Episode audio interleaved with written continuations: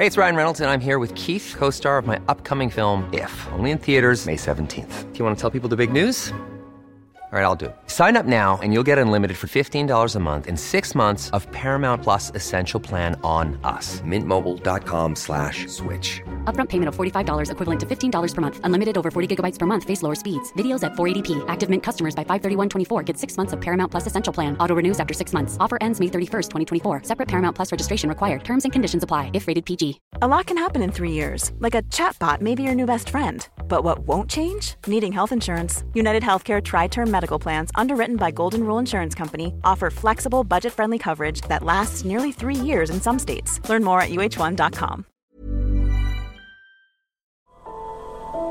Det här avsnittet är sponsrat av Prime Crime, appen med tusentals svenska rättegångar. Dessutom läggs minst tio nya rättegångar till varje vecka, året runt. En rättegång som berörde mig det är taximordet i Enköping. En eh, 26-årig taxichaufför som luras ut till ett naturreservat och eh, blev hängd i ett träd. Och det är fem ungdomar som döms.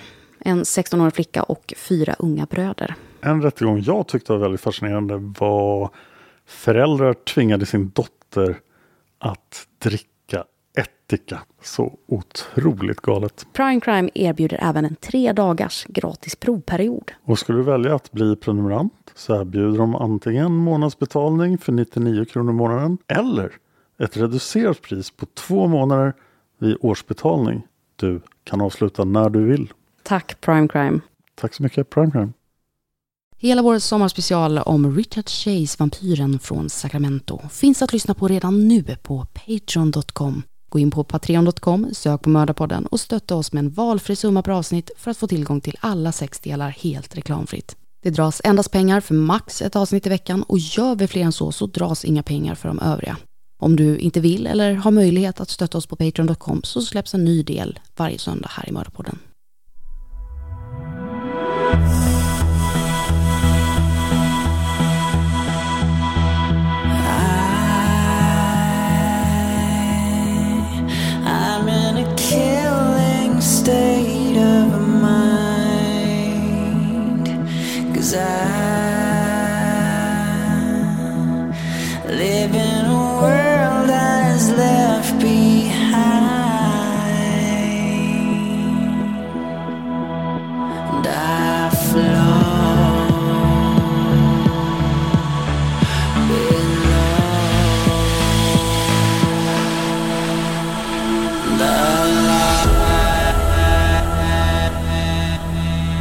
Du lyssnar på Mördarpodden.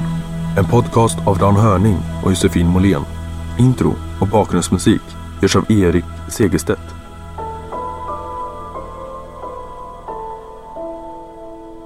Välkommen till Mördarpodden och del två av vår sommarspecial Richard Chase. Vampyren i Sacramento. Så lite varningar. Vi ska skildra mycket grovt sexuellt våld, grovt våld mot barn, grovt våld mot djur, nekrofili och kannibalism. Och det här avsnittet har skrivits av Camilla Söderlund. Tack Camilla. Och vad hände i del 1 Josefin? Ja, det var ju Richard Chase då som eh, föddes på eh, 60-talet. Och eh, han hade en eh, helt... Vänta, han var född 1950.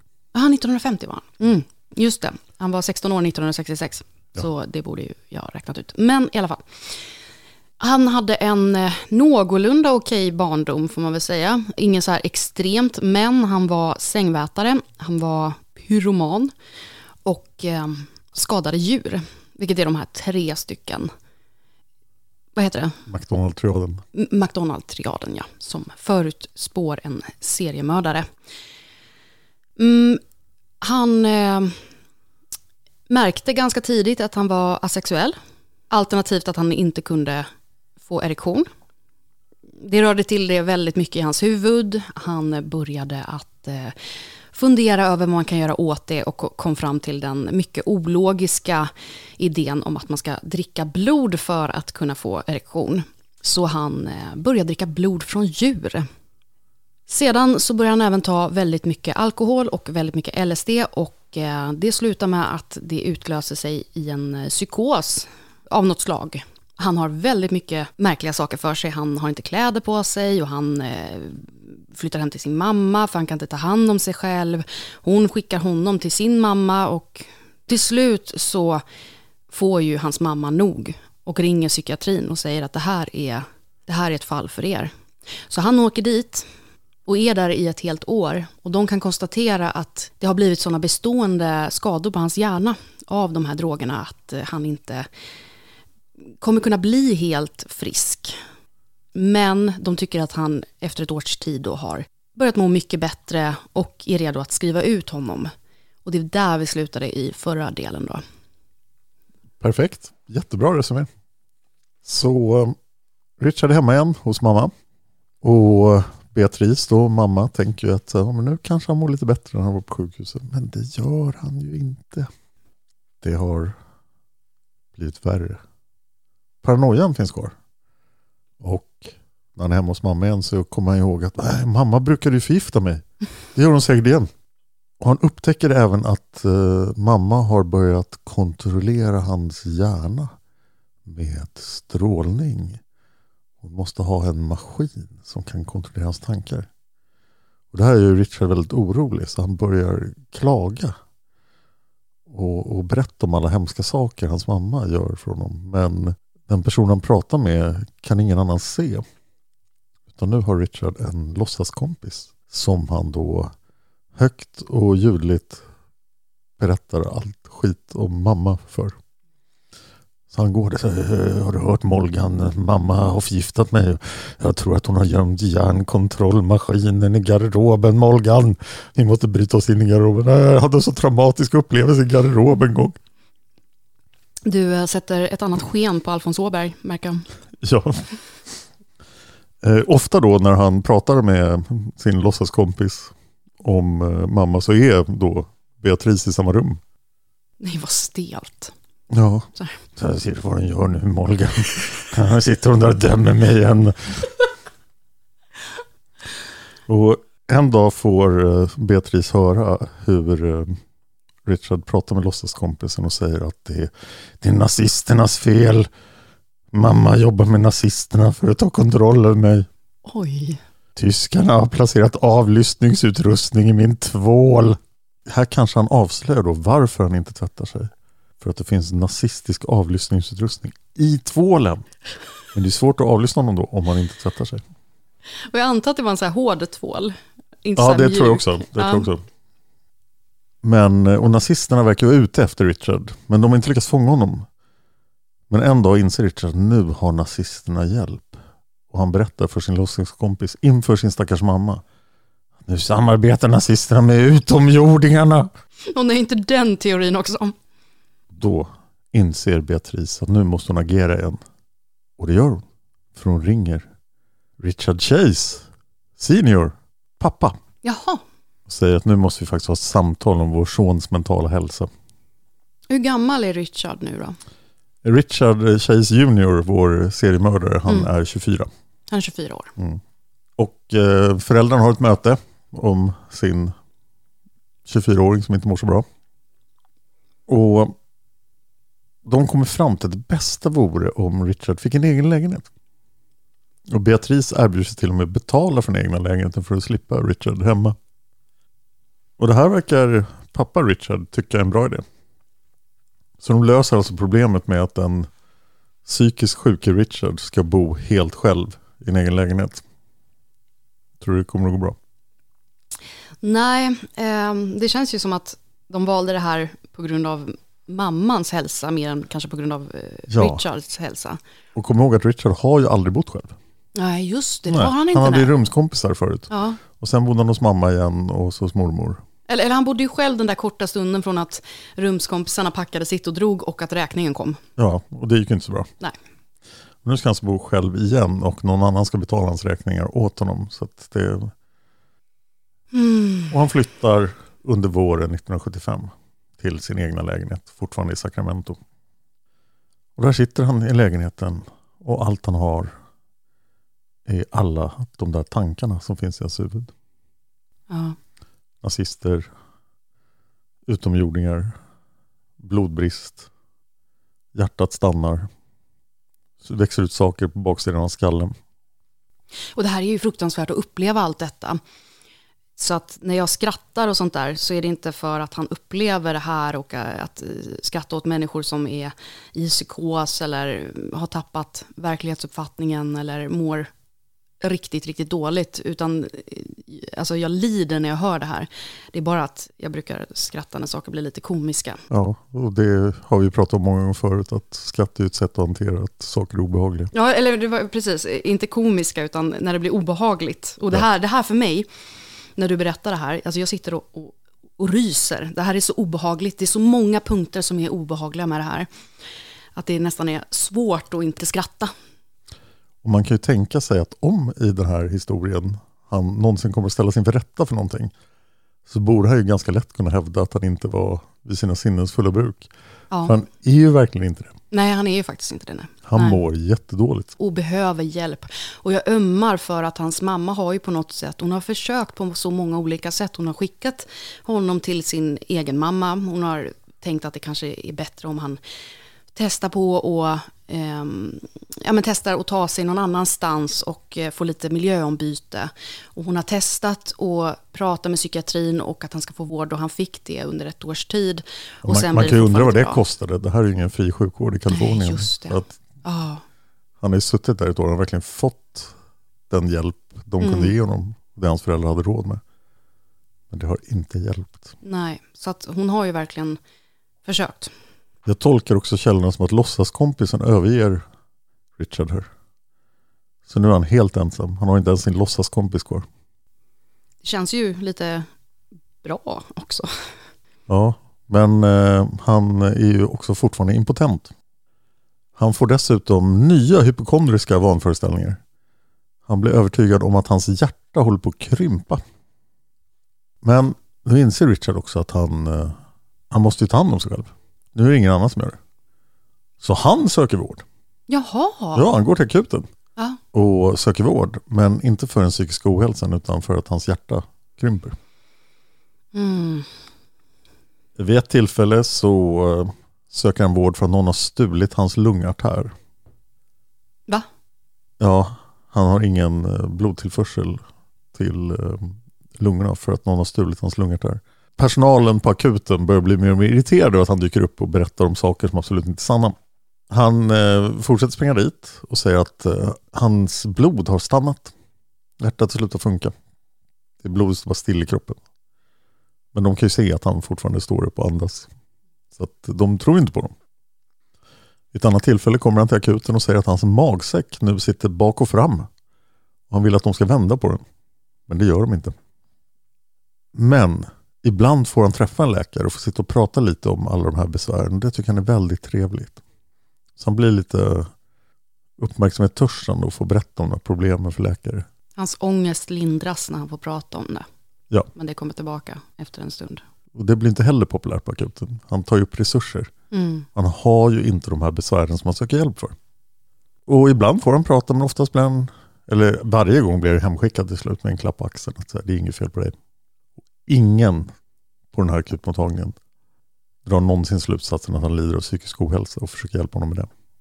Men det var ju inte så vanligt heller på, nu, nu är det väl 70-80-tal va? Det är 74, Mm. 75.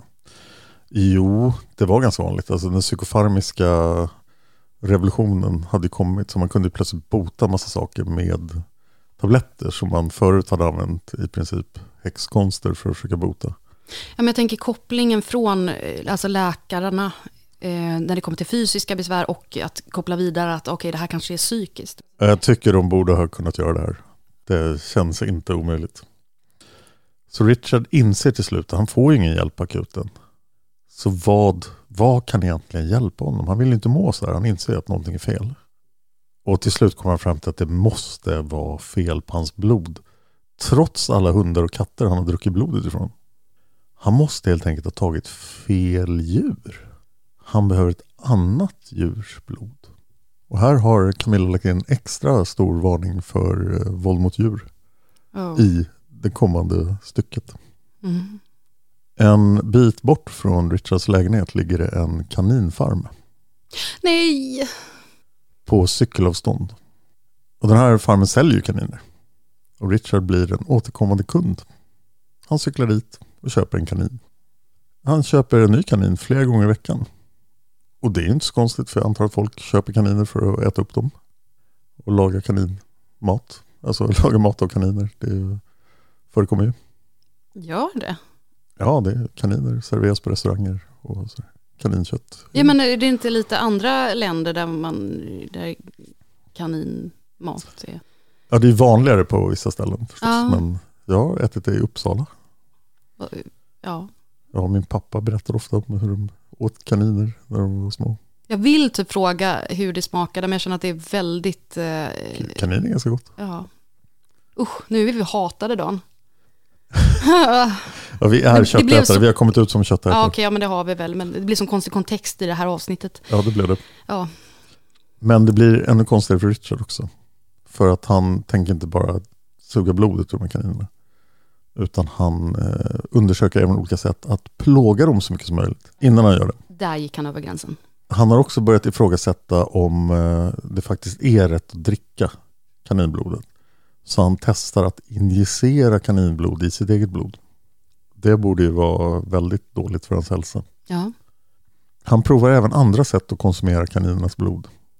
Några kaniner tar han ut inälvorna på. Och så tar han fram en eh, mixer. Åh, Och han blandar kanininälvorna med Coca-Cola. Det här låter som ett jättebra sätt att bli av med alkoholsyra. åh. Och då upptäcker han att hans hjärta slutar krympa. Kanininälvor mixade med Coca-Cola stoppar hans hjärta från att krympa. Så plötsligt tror han inte längre att hans hjärta krymper. Och det här ger honom blodad tand på fler än ett sätt. Han tänker att nu har han gjort framsteg, nu har han kommit fram till saker. Vad mer kan han fundera ut med sin skarpa hjärna?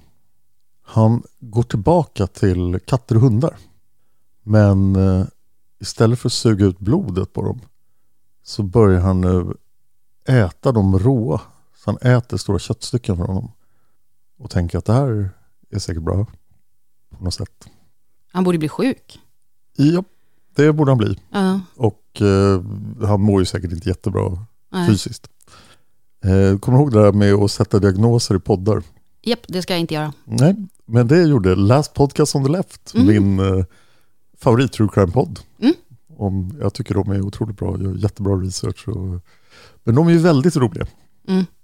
Och alla tre är komiker. Men de satte glatt två diagnoser, förmodligen med hjälp av ett antal källor, på Richard här.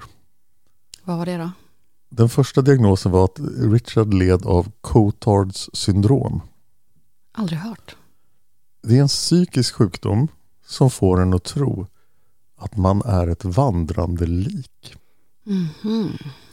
Man upplever det som att man ruttnar från insidan eller saknar viktiga delar av sin anatomi. Mm. Till exempel lungartären eller att magsäcken sitter bak och fram. Richard har också skaffat en massa böcker om anatomi och hur människan är uppbyggd och drar en massa slutsatser av det. Det är också vanligt vid Cotards syndrom. Ja, det, det låter ju inte helt otroligt att det skulle kunna vara det. Den andra diagnosen han fick i Last Podcast on the Left är eh, klinisk vampyrism. Även känt som Renfields syndrom. Jaha, Det är i princip en besatthet av att dricka blod.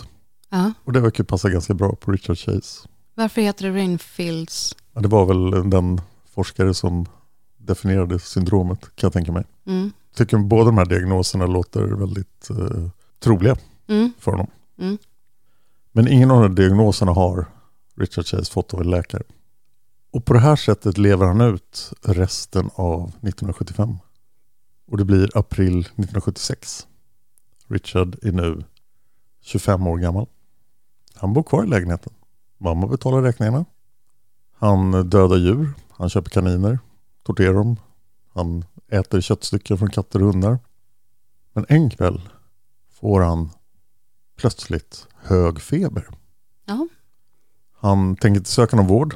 För han vet att man inte får någon hjälp av vården. Utan han ligger bara hemma och feberyrar. Men hans föräldrar har inte gett upp på honom. De hade ju det där mötet för att försöka se. De trodde att det var en bra idé att han skulle flytta till en lägenhet. Men de kommer dit ibland och tittar till honom. Och några dagar senare kommer pappa Richard Chase senior och tittar till Richard. Då hittar han Richard sitter med hög feber, helt apatisk i soffan. Han är väldigt blek och han berättar för sin pappa att han inte alls mår bra. Och sen berättar han att han tror att han måste ätit en sjuk kanin och drabbats av matförgiftning. Pappa Richard kör in sonen Richard till sjukhuset. Och läkaren undersöker honom. Nu är han ju fysiskt sjuk på riktigt. Och de upptäcker att det här är ingen inbildning. Han är allvarligt sjuk. Det är inte matförgiftning. Det är blodförgiftning. Och en obehandlad blodförgiftning kan ju vara ett livshotande tillstånd. Och det är väl ganska troligt att den har orsakats av att han faktiskt har injicerat kaninblod Mm. i sitt eget blod. När läkarna pratar med Richard så berättar han återigen att han måste ha ätit en dålig kanin. Han utvecklar teorin. Han tror att kaninen han åt upp hade fått i sig batterisyra. Och batterisyran från kaninen trängde sig ut från magsäcken och spred sig i Richards kropp. Det kan inte vara så att han själv har injicerat batterisyra. Kanske. Han har fått en sån här tanke att det är bra. Men han hade då för att bota det här hade han injicerat sig själv med blod från en frisk kanin. Jaha, Han berättar också återigen att någon har stulit hans lungartär och att hans magsäck sitter bak och fram. Den här läkaren tänker det här låter inte så rimligt. Han kanske lider av psykisk ohälsa. där föll polletten ner, vad bra. Så den gode doktorn ser till att Richard blir inskriven på American River igen. Men först måste de då behandla hans blodförgiftning. För det är ju en fysisk sjukdom. Sen ska de skicka honom till American River. Och det gör de. A lot can happen in the next three years. Like a chatbot may be your new best friend. But what won't change? Needing health insurance. United Healthcare Tri Term Medical Plans are available for these changing times. Underwritten by Golden Rule Insurance Company, they offer budget friendly, flexible coverage for people who are in between jobs or missed open enrollment. The plans last nearly three years in some states, with access to a nationwide network of doctors and hospitals. So, for whatever tomorrow brings, United Healthcare Tri Term Medical Plans may be for you. Learn more at uh1.com. When you're ready to pop the question, the last thing you want to do is second guess the ring. At Bluenile.com, you can design a one of a kind ring with the ease and convenience of shopping online. Choose your diamond and setting. When you find the one, you'll get it delivered right to your door. Go to Bluenile.com and use promo code LISTEN to get $50 off your purchase of $500 or more. That's code LISTEN at Bluenile.com for $50 off your purchase. Bluenile.com code LISTEN. Life is full of awesome what ifs, and some not so much, like unexpected medical costs. That's why United Healthcare provides Health Protector Guard fixed indemnity insurance plans to supplement your primary plan and help manage out of pocket costs. Learn more at uh1.com. Det blir sommaren 76. Queen släpper Bohemian Rhapsody och tar över topplistorna. 26-årige Richard har nu tillbringat några månader på den psykiatriska kliniken. Hans mående går upp och ner. En dag kommer personalen in till Richard och då har han en massa blod insmetat i ansiktet. Och de frågar Richard, var, var kommer det blodet ifrån? Och han säger, oh, jag måste ha skurit mig när jag rakade mig. Men det är massor av blod, hans ansikte är täckt av blod. Och han har inga uppenbara sår. Så de bestämmer sig för att söka igenom hans rum. Och då hittar de flera döda fåglar. Oj. Samtliga av fåglarna saknar huvudet. Då frågar de Richard, vad är det här? Varför ligger döda fåglar utan huvuden här? Och Richard svarar, jag har ingen aning. Jag är inte inblandad i det här. Det är så obehagligt att han också är så pass klar i huvudet att han förstår att det här måste ha mörka. Ja, För Det är vissa, sant. för vissa saker så mörkar han ju inte. Han mörkar inte att han tror att hans magsäck är vänd bak och fram på. Och att ehm, hans hjärta slutar slå och sånt där. Men han, vissa saker vet han är inte okej. nej, här verkar han veta det faktiskt. Och eh, personalen frågar då de andra intagna om de har sett någonting. Och de vet mycket väl vad som försiggår. Så de berättar att eh, Richard har lockat in fåglar på sitt rum. Förmodligen med brödsmulor. Och sen har han bitit av huvudet från dem. Och druckit deras blod. Det här tycker de andra intagna är lite jobbigt. Mm. Så de berättar glatt om det och vill gärna att det ska sluta. Och sen kommer det fram att de andra intagna har kallat Richard för Dracula ett bra tag. Men personalen har inte funderat på varför. Så det har pågått också. ett Ja, tag. det har pågått ett Mm. tag. Det här går hela vägen upp till sjukhusledningen och de bestämmer att Richard är för sjuk för att vara på det här psykiatriska sjukhuset. Han behöver förflyttas någonstans där han kan vara under ständig uppsikt. Han måste till en sluten anstalt med strängare bevakning. Och det styrs upp väldigt fort. Inom en vecka är det klart. Och Richard förflyttas till Beverly Manors psykiatriska sjukhus, fortfarande i Sacramento. Strax innan flytten ertappas Richard med att stjäla blod från anstaltens terapihund. Det var alltså en hund som skulle runt bland de intagna och ja, göra det hundar gör bäst, vara snäll och bli klappad och så. Men Richard har stulit, eh, stulit en spruta och har tagit ut blod ur hunden och druckit det. Men hunden klarar sig. Hund, den här hunden klarar sig. Ja, vad bra. Den 29 september 1976 har Richard suttit inne på psykiatriska anstalter, nu på en strängare, i ett och ett halvt år. Och den ansvariga läkaren på Beverly Manors bedömer då att Richard mår så pass bra att han inte behöver hållas inlåst längre. Han utgör inte någon fara för någon. Han utgör ingen fara för sig själv eller för sin omgivning. Läkaren skriver i sin rapport att Richards sociala förmåga visar stora framsteg. Han har dessutom utvecklat en realistisk acceptans för sin sjukdom. Han har inte längre vanföreställning om sin kropp och eh, han bör därför skrivas ut. Men den enda som tycker att Richard skrivs ut är just den här läkaren som gör bedömningen. Och övrig personal protesterar och säger att nej, den här, han mår inte bra Richard, han får inte skrivas ut nu.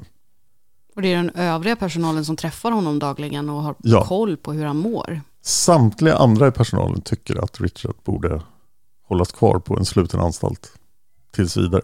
Det här låter som en lite pressad läkare som har fått order om att man måste dra in på, på de intagna. Ja, Och eh, en anledning till att läkaren tror att det har blivit bättre är då att Richard har fått väldigt mycket mediciner. Han har fått eh, sömntabletter, lugnande tabletter, antidepressivt och de flesta av de här läkemedlen är narkotikaklassade. Så Richard skrivs ut, för det var den här läkaren som bestämde. Men han får med sig en rejäl bunt med recept och massa medicin han måste ta varje dag. För annars kommer han fort att må sämre igen. Och Richard lovar dyrt och heligt att givetvis kommer han att ta sina mediciner. Han är en ansvarsfull person. Men utskrivningen har en liten klausul i sig. Han är ju fortfarande inte helt frisk. Så han blir omyndigförklarad i samband med att han blir utskriven. Han förlorar alltså, det en, måste en domstol bestämma och läkaren har sagt till att det har hänt. Så han är omyndigförklarad, han har inte längre någon rätt att ingå avtal till exempel. Han har ingen rättshandlingsförmåga längre utan han är som ett barn juridiskt sett. Det var faktiskt det jag tänkte säga, att det vore inte helt fel i, i den här typen av fall. Ja, han behöver en förmyndare och hans mamma Beatrice har ställt upp på att vara den förmyndare. Jaha. Så då flyttar Richard hem till mamma igen. Ska han skulle behöva någon utifrån tycker jag. Ja, det tror jag också. Och det verkar som att Beatrice hade förutsett det här. Så hon har fortsatt betala hyran för Richards egna lägenhet. Och efter bara några dagar så får hon Richard flytta till sin egen lägenhet igen. Mm. Men jag antar att hon fortsätter gå och kontrollera honom. Hon köper även all hans mat till honom. Och sen är tanken att hon ska även då se till att han har de mediciner han behöver. Ja, Men när hon ser den stora mängden mediciner så blir hon förskräckt. Och tänker det här kan inte vara bra för honom. De här medicinerna ska jag inte ta. Det här är farligt att ta så här mycket medicin. Säg inte att hon börjar plocka bort och... Hon tycker det han behöver är en rejäl avgiftning från allt skit som läkarna har stoppat i honom. Så hon köper helt enkelt inga mediciner. Hon hämtar inga mediciner till honom. Utan att trappa ur dem. Han har ju lite mediciner fortfarande som han fick med sig. Ja, Och det verkar som att han fortsätter ta dem. Men han får inga nya. nej, men det är, ju, det är ju väldigt farligt att bara avsluta medicinering pang bom. När det är starka mediciner. Det, Ja. det kan ju leda till jättemycket komplikationer. Det är definitivt sant. Och hon gör alltså det här helt utan att prata med Ja. en läkare. Hon gör det helt utan en nedtrappning. Ja. Och hon gör det helt på eget bevåg. Så nu sitter Richard i sin lägenhet och har inte de mediciner han behöver. Det här låter tokfarligt. Det blir 1977, det går åtta månader. Det är maj 77. Richard är 27. Och då löper eh, förmyndarskapet ut. Så att nu blir han myndig igen. För det var bara en tillfällig åtgärd.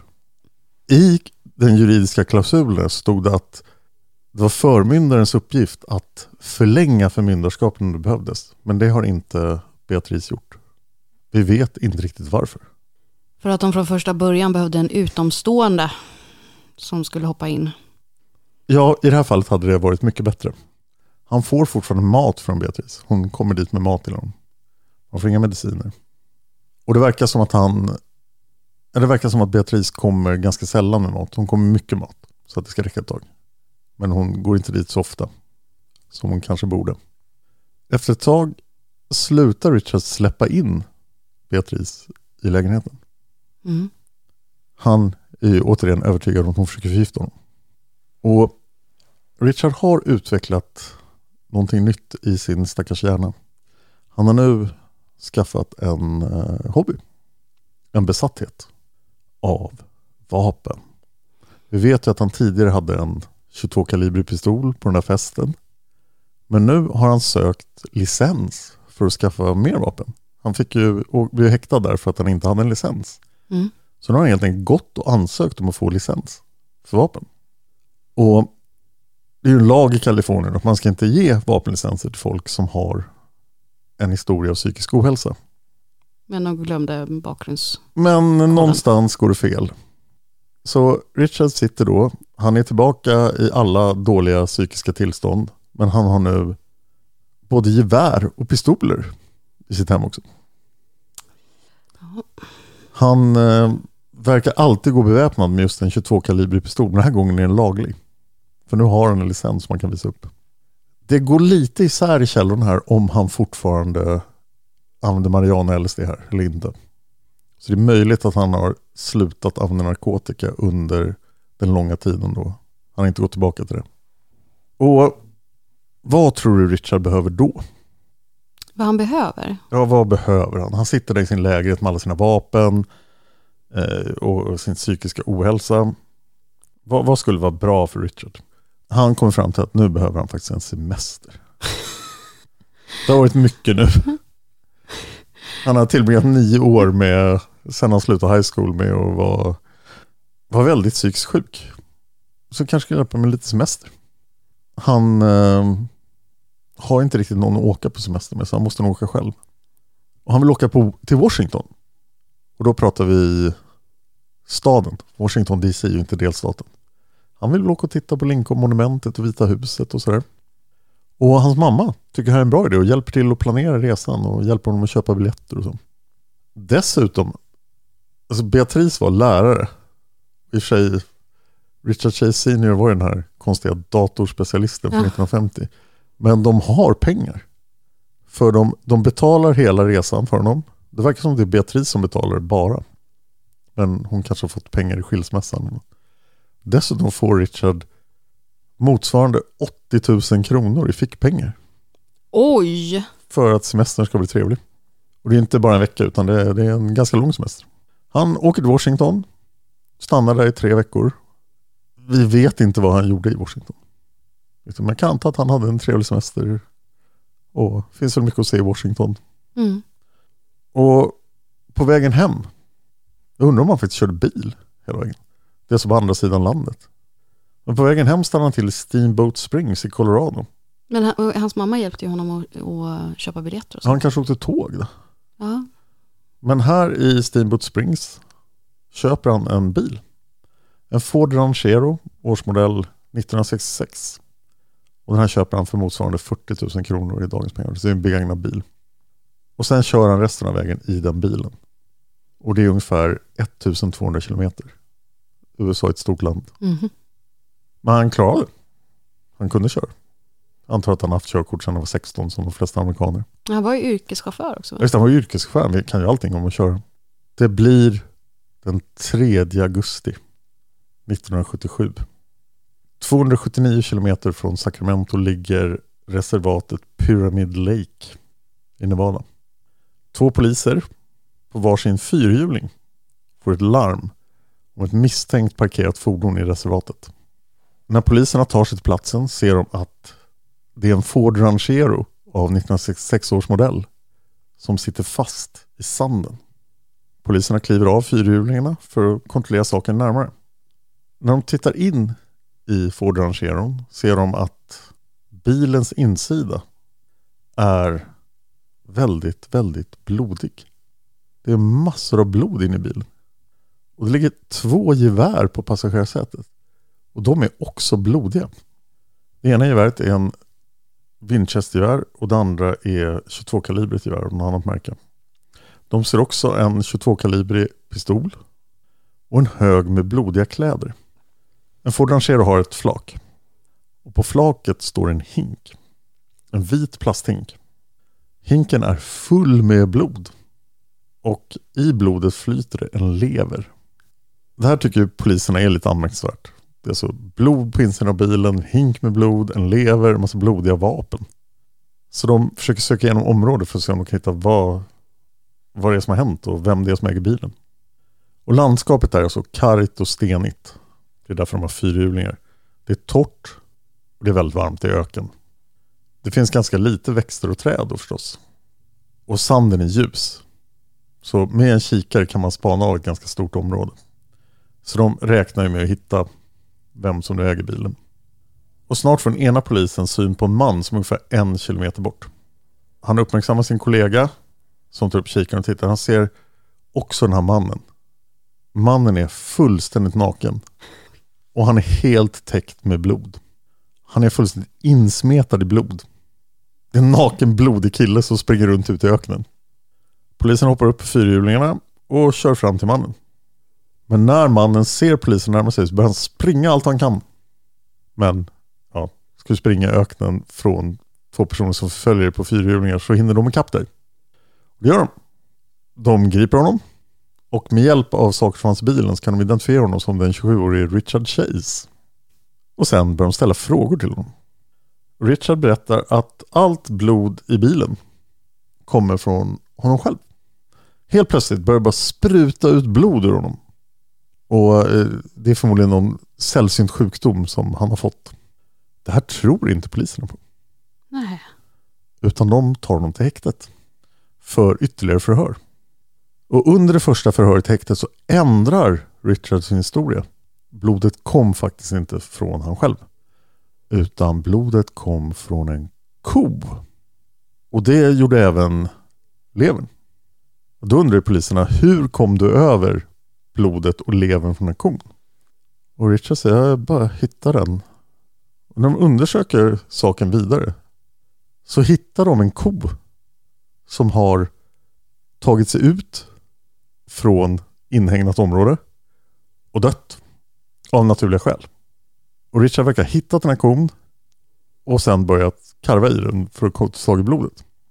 Så här står de här två poliserna med en blodig, ja nu har de kanske inte sett av honom, men de har hittat en blodig man i öknen som har karvat ut massor av blod ur en ko, smörjt in sig med det, smörjt in insidan av bilen med det, eller om han bara hade liksom kravlat omkring in i sin egen bil.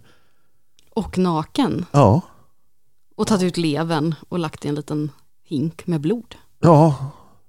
Och de anser att den här mannen borde häktas. Mm. Men de pratar med åklagaren så frågar åklagaren då, för vilket brott då? Och då visar det sig att det finns inget brott i delstatens lagar som han har begått. Han har inte dödat kon, han har inte ens skadat den, Nej. han har inte stulit den. Så åklagaren kommer fram till att han måste släppas fri.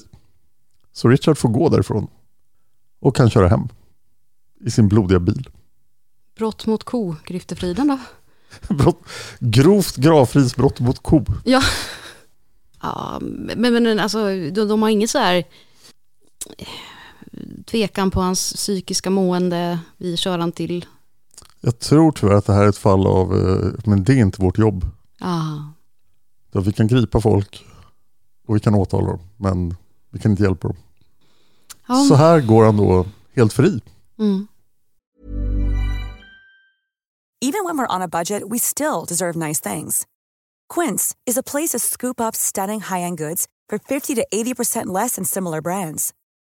They have buttery soft cashmere sweaters starting at $50, luxurious Italian leather bags, and so much more.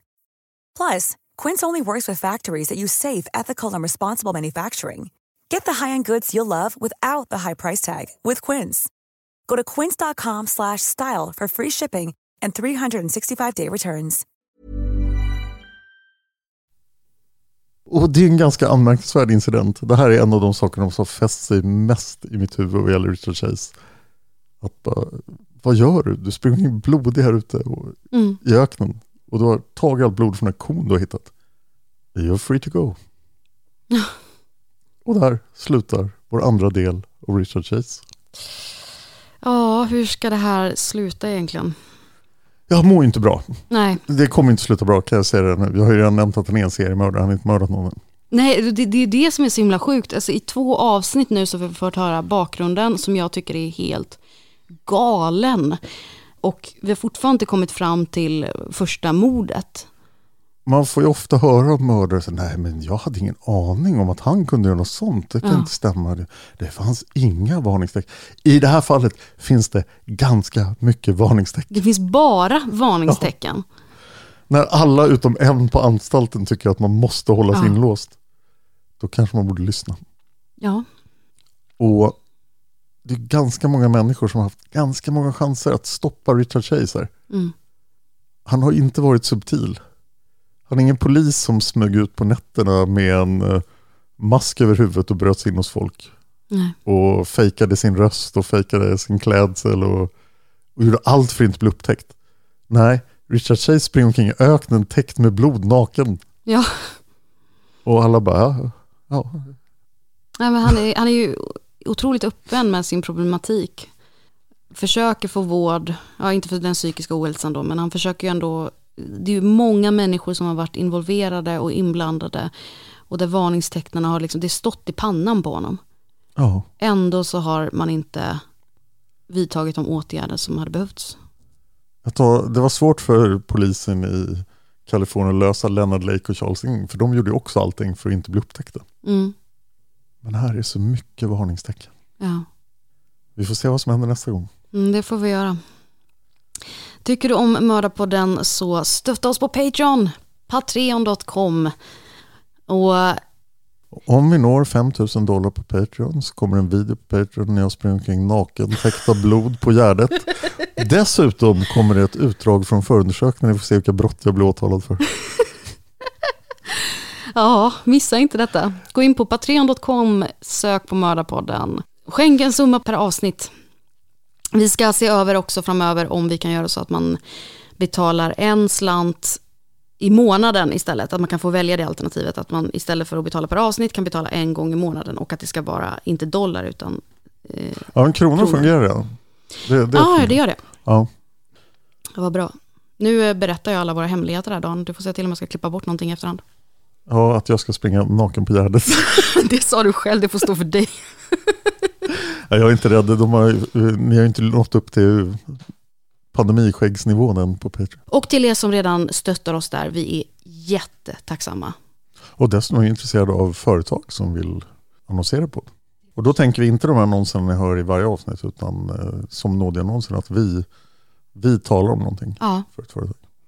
Men om det är någon där ute som vill göra reklam för sitt företag i podden så kontakta Josefin direkt. Mm. Inte på Instagram för det läser hon inte. Så Nej. det är bättre än att använda simwaypodcast.gmail.com. Då precis. läser Eva det och skickar det till Josefin. Ja, det är bra. Vår disciplinerade Eva, hon är grym.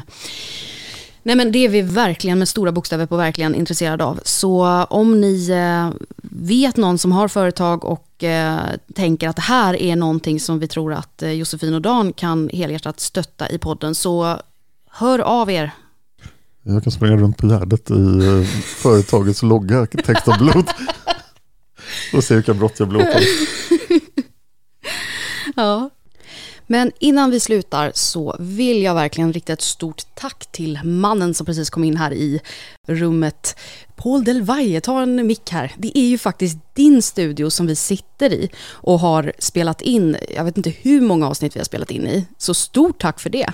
Ja, varsågoda. Ni har spelat in exakt alla avsnitt här. Så det har alltid varit lika trevligt, även fast jag sitter och lider i ett annat rum av att höra alla otäckheter ni pratar om.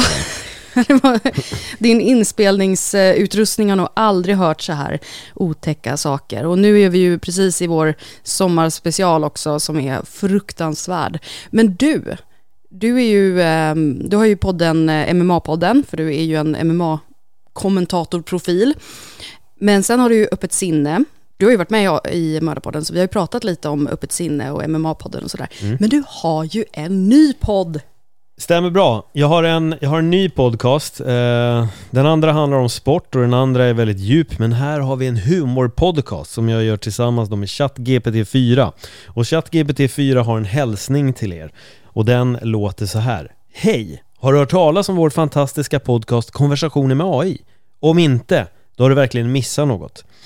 Jag är ChatGPT och är en del av det dynamiska teamet bakom denna underhållande podd. Tillsammans med min fantastiska medvärd Paul Elvaje bjuder vi på de roliga och spännande samtal om artificiell intelligens. Vi utforskar allt från historia till humor och våra konversationer kommer garanterat få dig att skratta högt och tänka djupt. Så glöm inte att lyssna på Konversationer med AI, den perfekta podcasten för dig som vill ha en mix av skratt, kunskap och framförallt en unik upplevelse. Den får ni inte missa att lyssna på. Vi ses i nästa avsnitt.